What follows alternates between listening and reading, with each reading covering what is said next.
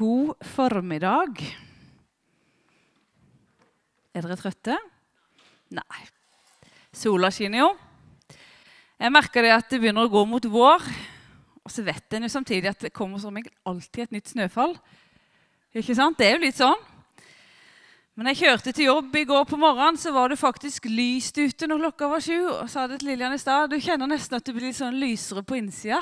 Det er deilig. Vi liker det. Ja vel. Jeg heter altså da Miriam. Og I dag har jeg altså, som du kan se, lånt jenteungens PC. Hun er litt over gjennomsnittet glad i dyr og katter. Skal vi se om vi kan... Til og med den der pila har hun lagd til en pus. Så det er nesten helt umulig å skjønne dette her. Jeg har skjønt at jeg veldig, henger veldig etter på det her datagreiene. Jeg skjønner ikke åssen det går an. Sånn. Ja vel. I dag er, Først skal jeg vise det som var litt gøy. for Vidar spurte hva skulle du tale om. Så sa jeg det jeg skulle snakke om. Vet du hva? Vi har noen sånne gamle armbånd fra den tida. Og da er det sikkert noen av dere som husker Husker dere de armbåndene her? Der står det WWJD. på 90-tallet var dette en sånn stor greie. Mange av dere har sitt sikkert sett ungdom som gikk med den, eller voksne for den saks skyld. Og så var det litt gøy, for at Vidar hadde jo en hel haug av dem. Så da kan vi jo starte en ny trend, kan vi ikke det? WWJD, What would Jesus do på engelsk, eller Hva ville Jesus gjort? Det var en sånn bevegelse på 90-tallet. Jeg var ungdom på 90-tallet, og jeg var jo veldig inn i det her. Jeg hadde selvfølgelig armbånd i forskjellige farger og full pakke. Det ble lagt en sang om det. Noen som kan huske den sangen? What would Jesus do? Walking in my shoes, working at my job, going to my school. Dette var på engelsk. For dere som ikke er veldig stive på engelsk, så sa jeg akkurat nå hva ville Jesus gjort om han hadde gått i mine sko, jobba på min jobb eller gått på min skole. Og Det her var, det ble skrevet i en bok, og det var liksom en stor greie. Det som er litt kult, er jo at det her har jo festa seg hos meg iallfall. For det var jo så mye prat om det. Det var så mye fokus på hva ville Jesus gjort i den situasjonen. Hva ville Jesus gjort da og da og da. Og så tenker jeg at det har nok vært med å prege meg. Fordi jeg kjenner at jeg kan tenke gjennom det i hverdagen. Av og til. Det er ikke hver dag jeg klarer det, sier ikke det. Men det at en tenker gjennom ok, Jesus, hvordan ville du ha vært nå mot de menneskene? Hvordan ville du ha møtt de? Og det, det, er jeg veldig takknemlig for. Jeg er glad for denne eh, bølgen. Enkelt og greit med et armbånd. Så hvis det er noen som har lyst på et armbånd, så kan de få det etterpå. Det har vi mange her. Her er rosa og svart og lilla. Så her er det bare å velge. Hva om Jesus hadde levd i dag? Hvor hadde han vært, og hvor hadde han brukt tida hen? Altså, If he had walked in my shoes. Om han hadde gått med mine sko om han, altså, Nå hadde han sikkert ikke passa mine sko, men du skjønner hva jeg mener. Hvor, hvordan hadde han møtt mennesker i dag? Mennesker på butikken, på arbeidsplassen, der han gikk. Og Jeg hørte på en sang i bilen, eh, en sånn gammel Gator-sang. Og de sang om det her uh, What would Jesus do? Altså, Hvilken type menighet hadde han besøkt? Det er så mange forskjellige typer menigheter. Hadde han besøkt en menighet en gang?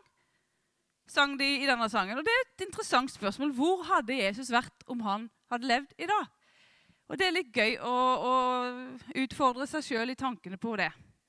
For vi lever jo fra søndag til søndag. Går på søndagsmøter. Og så har vi en hverdagsliv. Hvordan ville Jesus levd? Jesus, du vet at han, Når han levde, så brukte han tida faktisk sammen med kriminelle, prostituerte, syke og utstøtte. Det er jo litt spesielt. Hæ? Men jeg syns det er kult, for Jesus han var temmelig radikal, og jeg liker det. Han likte å bruke tida med de som ingen andre hadde lyst til å bli assosiert med. De som ingen andre hadde lyst til å bli sammenligna med og sett sammen med, de var han genuint opptatt av.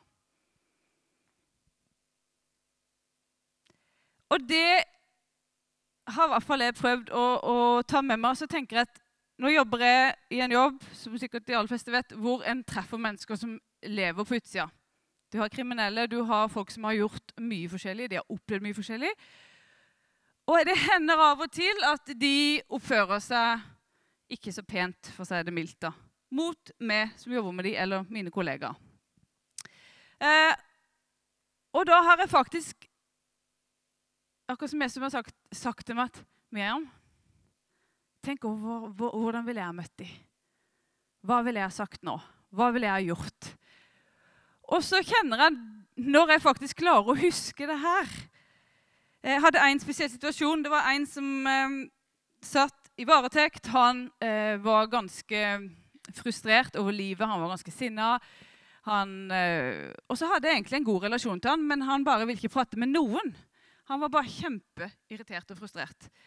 Um, og så sto jeg på utsida. Jeg var jo nødt til å forholde meg til han. Han må jo ha mat, han må jo ha alt det her. ikke sant?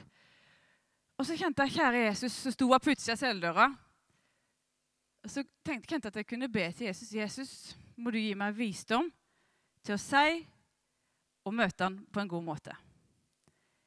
Og så var det veldig merkelig. Idet jeg åpna den døra og så sa hei, så snudde hele gutten rundt. Og da tenker jeg at ja, men det er jo ikke meg. Det var Jesus. Det velger jeg å tro. Han hjalp meg, og så kunne jeg få lov å si og snakke med han, sånn at han gjorde at han plutselig så mye lysere på situasjonen.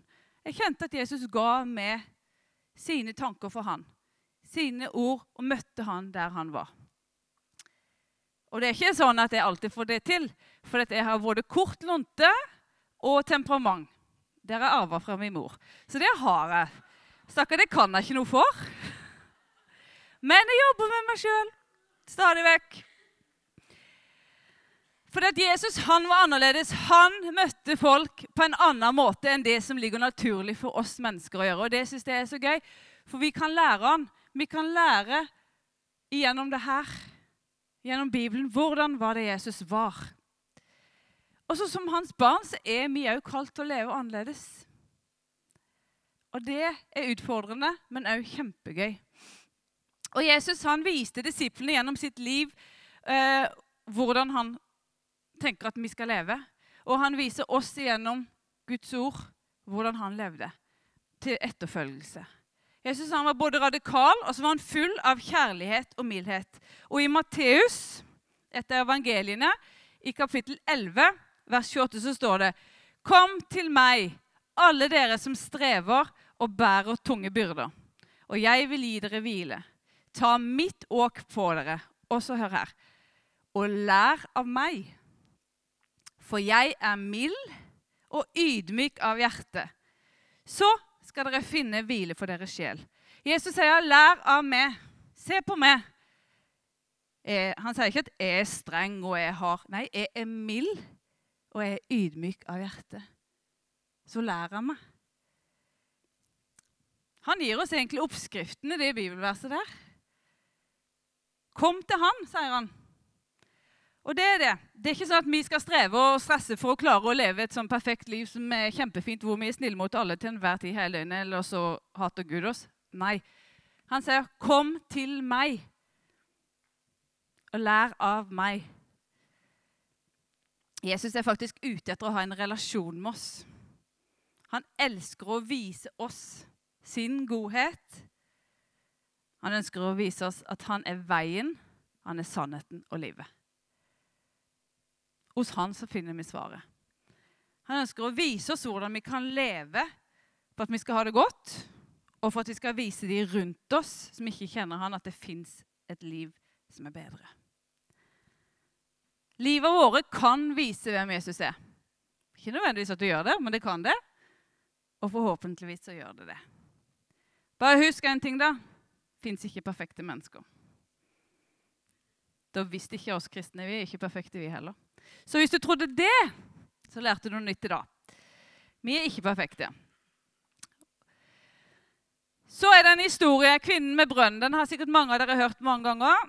Eh, kvinnen med brønn er det en historie i Johannes hvor Jesus han sitter ved en brønn. Det er midt på dagen, det er varmt, sola steiker. Det er en tid på døgnet hvor det ikke er så veldig mange som er ute fordi at det er for varmt.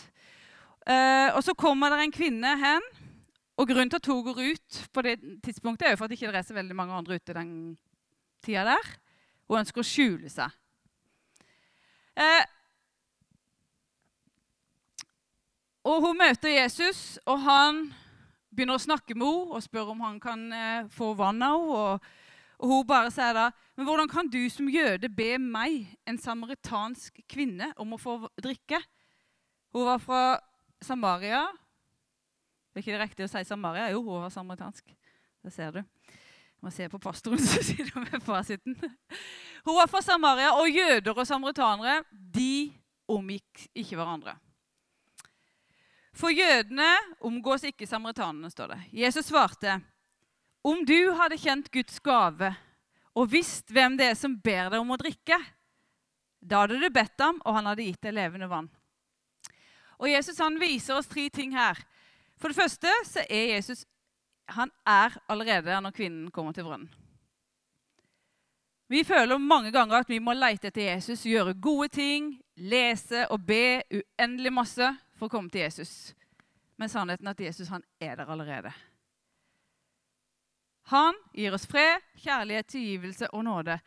Og denne her ensomme og utstøtte kvinnen hun, hun, følte seg utstøtt og ensom, eller så hadde hun ikke kommet der midt på dagen og ikke det var noen andre. Ikke sant? Hun gikk alene til brønnen den dagen. Og der møtte hun Jesus. Han var der allerede. Det andre vi ser her i denne historien, er at Jesus ser hvordan kvinnen har det. Han ser hvordan livet hos sitt er der og da. Og så ser han òg hvordan det har vært tidligere. Han ser hva hun trenger. Og så er det det at han hjelper henne, så hun forteller han om sitt liv. Og hva skjer? Hun forteller at uh, at hun har mislykkes i livet, og det er snakk om at hun har hatt mange menn. ikke sant? Men det forandrer ikke Jesu kjærlighet til henne. Og så blir hun faktisk utrolig glad for at hun har fått livet sitt avslørt. Og det er jo ikke så naturlig. De fleste av oss vil jo kjenne at det er ganske sånn her Hvis du blir avslørt noe, noe sånn her eh, skal jeg si, Noe lite bra med livet ditt, syndene dine, så er det ubehagelig og flaut.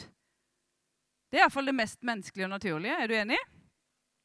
Hvis noen tar deg i et eller annet som ikke du skulle gjort, det er flaut. Men Jesus han møtte opp på sånn en måte at hun klarte å kjenne en lettelse med at hun hadde åpna opp. For at han så henne for den hun var, ikke for det hun hadde gjort. Ikke for den ytre fasaden, men for hva som var der inne. What would Jesus do? Det gjorde han. Han møtte henne på den måten. Og så Nummer tre var det Jesus han ville gi henne det levende vannet. Som er frelse, evig liv. På tross av alle hos sine feiltrinn. På tross av alle hos sine synder. Ja, Jesus han gir oss det vi trenger, han. På tross av våre feil og mangler. Fordi om ikke vi fikser det.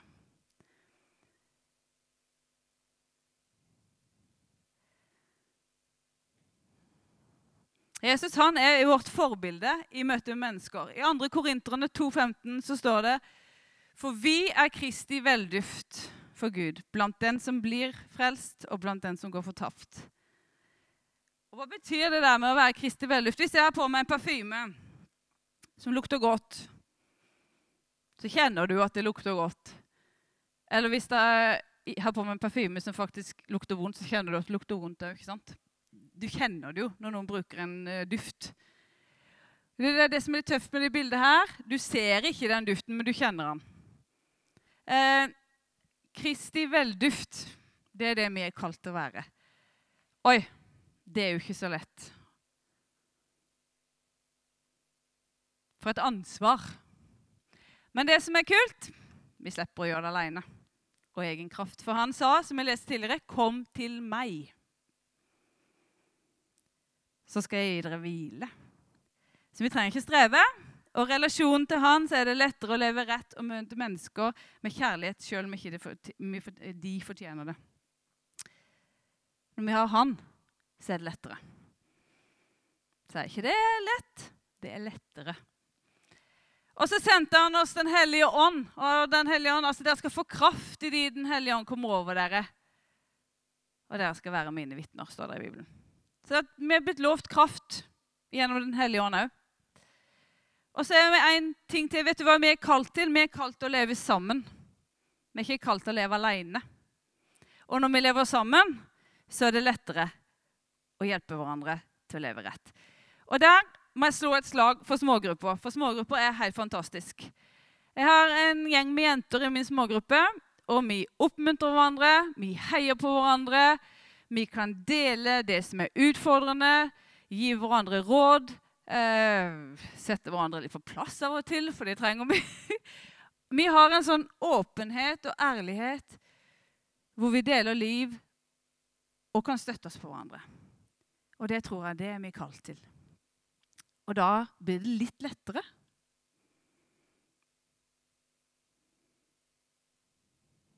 Tror jeg. Hva da når livet skjer, da? Ja, ja, Miriam, jeg hører alt det du sier, og det er sikkert kjempefint, og det er helt rett. Det høres kjemperett ut. Men du skjønner det, at jeg har opplevd det her. Og det står i Romerne 8 her er det ingen forskjell. Alle har syndet og mangler Guds herlighet. Men ufortjent og av Hans nåde blir de kjent rettferdig, frikjøpt i Kristus Jesus. Vi kommer til kort, alle sammen. Ingen klarer å leve fullkomment, som jeg sa i stad. Eh, og ingen lever et liv uten at en opplever sorg, smerte, vonde ting. Eh, Masse følelser. Vi er skapt med masse følelser. Hva da når vi møter urettferdighet og dårlig behandling? Hva gjør vi da? Da har jeg et ærlig eksempel. Eh, og det er Jeg har opplevd eh, å bli beskyldt for ting eh, som er usant. Og det her har vært da, i, i, en jobbsammenheng, da. Eh, hvor folk har baktalt meg. Jeg har visst om det. Jeg har hørt det via via. Og det er blitt sagt løgn og usannheter. Hva gjør jeg da? Da har jeg et valg. Hvordan håndterer jeg det? Og jeg tipper det er mange som har opplevd ting. For Det første, det første jeg kjente, var at ah, oh, de skal få høre dette. Det her er ikke sant, det er urettferdig. Du bare kjenner at uh, Besinner, rett og slett. Men så kan du ikke gjøre noe. Og du blir frustrert. Og jeg kjente at jeg var liksom litt sånn i en sånn negativ spiral. Jeg ble nesten litt deprimert. Jeg ble lei meg. Jeg kjente at det her gikk ah, Dette var vondt. Dette var ikke noe gøy. Tenk at de tror det her om meg. Tenk at de går og sier det her om meg. Um, og så var det en dag i bilen på vei til jobb som måtte Rett og slett så ropte jeg litt for Jesus i bilen. Så at Jesus, du er nødt til å hjelpe meg å elske disse menneskene. For det mest naturlige for meg er egentlig å få imot deg. For det er vondt. Jeg vet ikke om det her er noe du kan kjenne deg igjen i denne følelsen når noen urett, gjør urett mot deg. Så er det veldig naturlig at vi kjenner at jeg vil ikke ha noe med det å gjøre. Og Da måtte jeg rett og slett rope til Jesus Jesus, du må hjelpe meg å møte deg sånn som du møter deg. Se på deg sånn som du ser på deg. For jeg klarer det ikke i meg sjøl. Og det kjenner jeg at jeg jobber med hele tida. Hvis det går an å si. Jeg er underveis. Eh, men jeg tok et valg om at jeg skal være kjempehyggelig. Jeg skal nesten være overhyggelig og blid og positiv når jeg møter de menneskene. Og så, etter en stund, så kjente jeg at situasjonen snudde.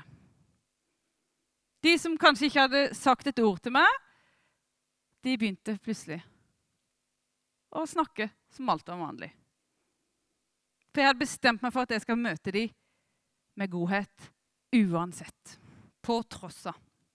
Det kosta. Jeg lover det. Men så har det betalt seg, og det som er eh, Jeg hadde en medarbeidersamtale her. Det er ikke noe skryt, men det handler faktisk om at det går an å leve et annerledes liv.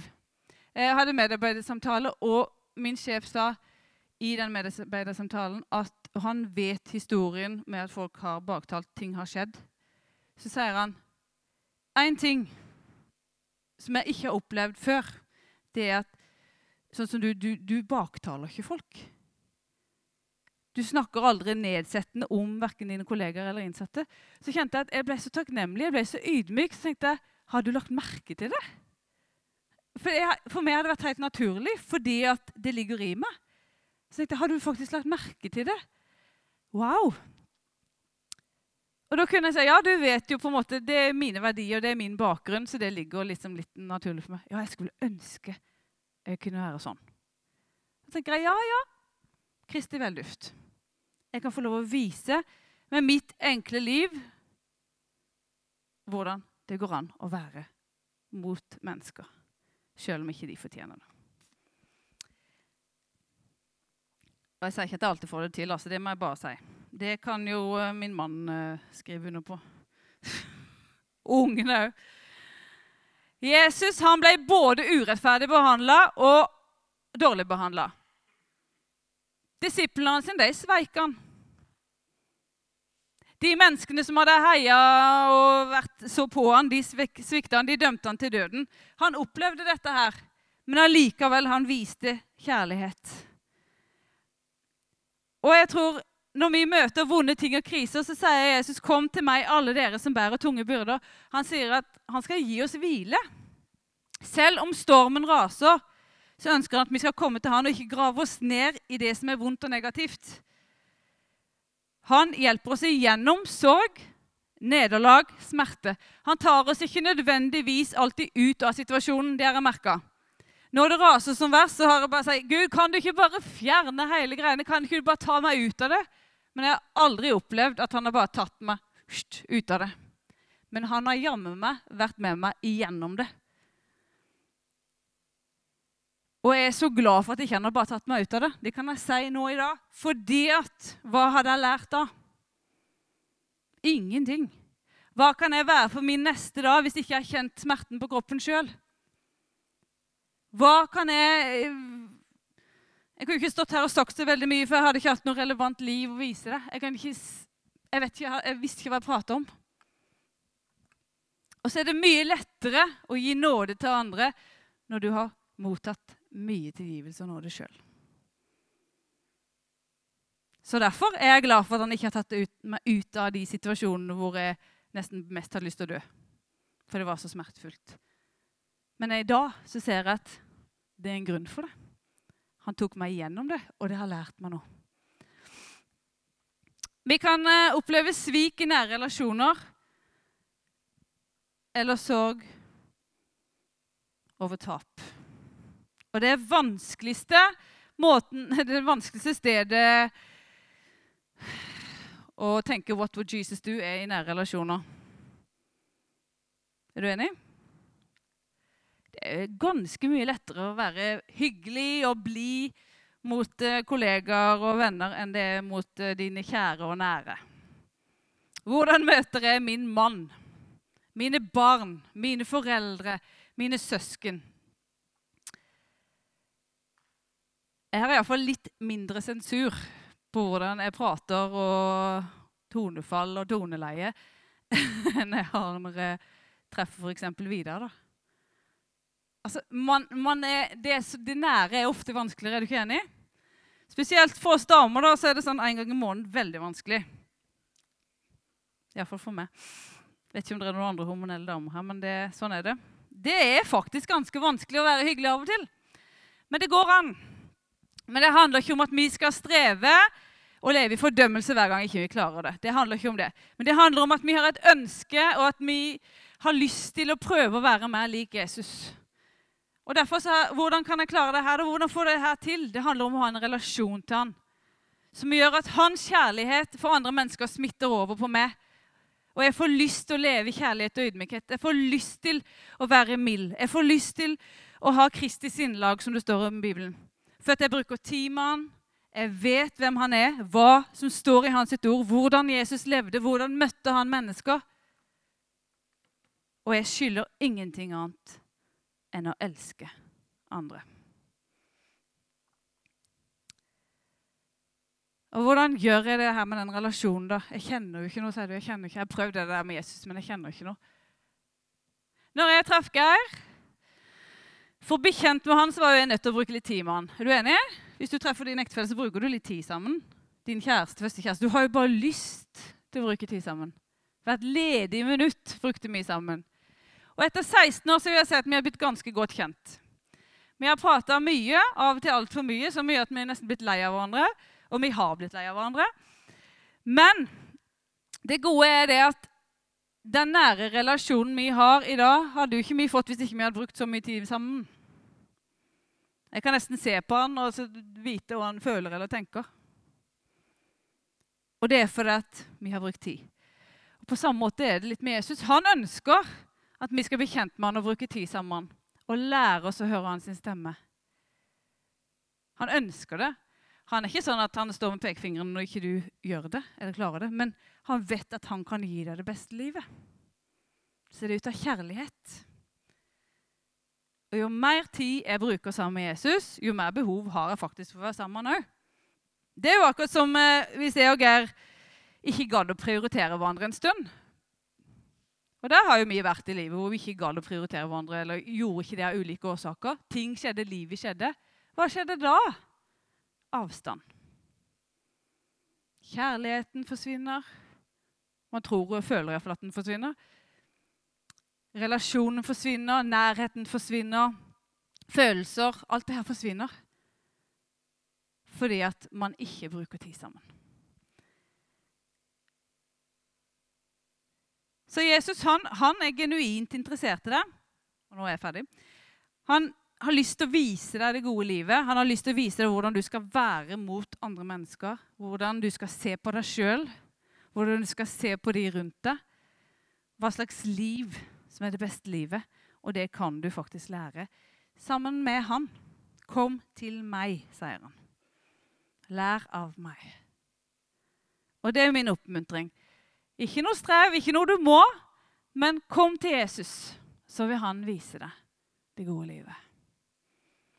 Takk, Herre Jesus, for at uh, vi kan få lov til å være enkle mennesker som går på trynet, og som får lov å reise seg, som ikke er perfekte, Herre, men som er elska ut av det. Takk, Far, for at din nåde er nok for oss hver eneste dag. Takk, Jesus Kristus, for at eh, du døde for oss på Gålgata, på korset, sånn at vi får lov til å være en evighet sammen med det. Og så ser du at eh, vi fikser ikke alltid livet. Vi klarer ikke alltid å være gode. Vi klarer ikke alltid å gjøre det rette. Men takk for at din nåde er nok for oss. Å, Jesus, der vi er svake, der kommer du med din styrke. Jeg takker deg, Herre, for at du er interessert i oss. At du er interessert i en relasjon med oss. At du er interessert i å vise oss hvordan du er, og hvordan du levde med mennesker. Takk, Herre, hjelp oss å være mer lik det. Og så takker jeg for denne dagen, Herre, om at uh, hver eneste en som er her, at de skal ha en velsigna dag. At de skal kjenne at det er en god dag, far. Jesus Kristus, må du velsigne oss alle sammen. I ditt navn. Amen.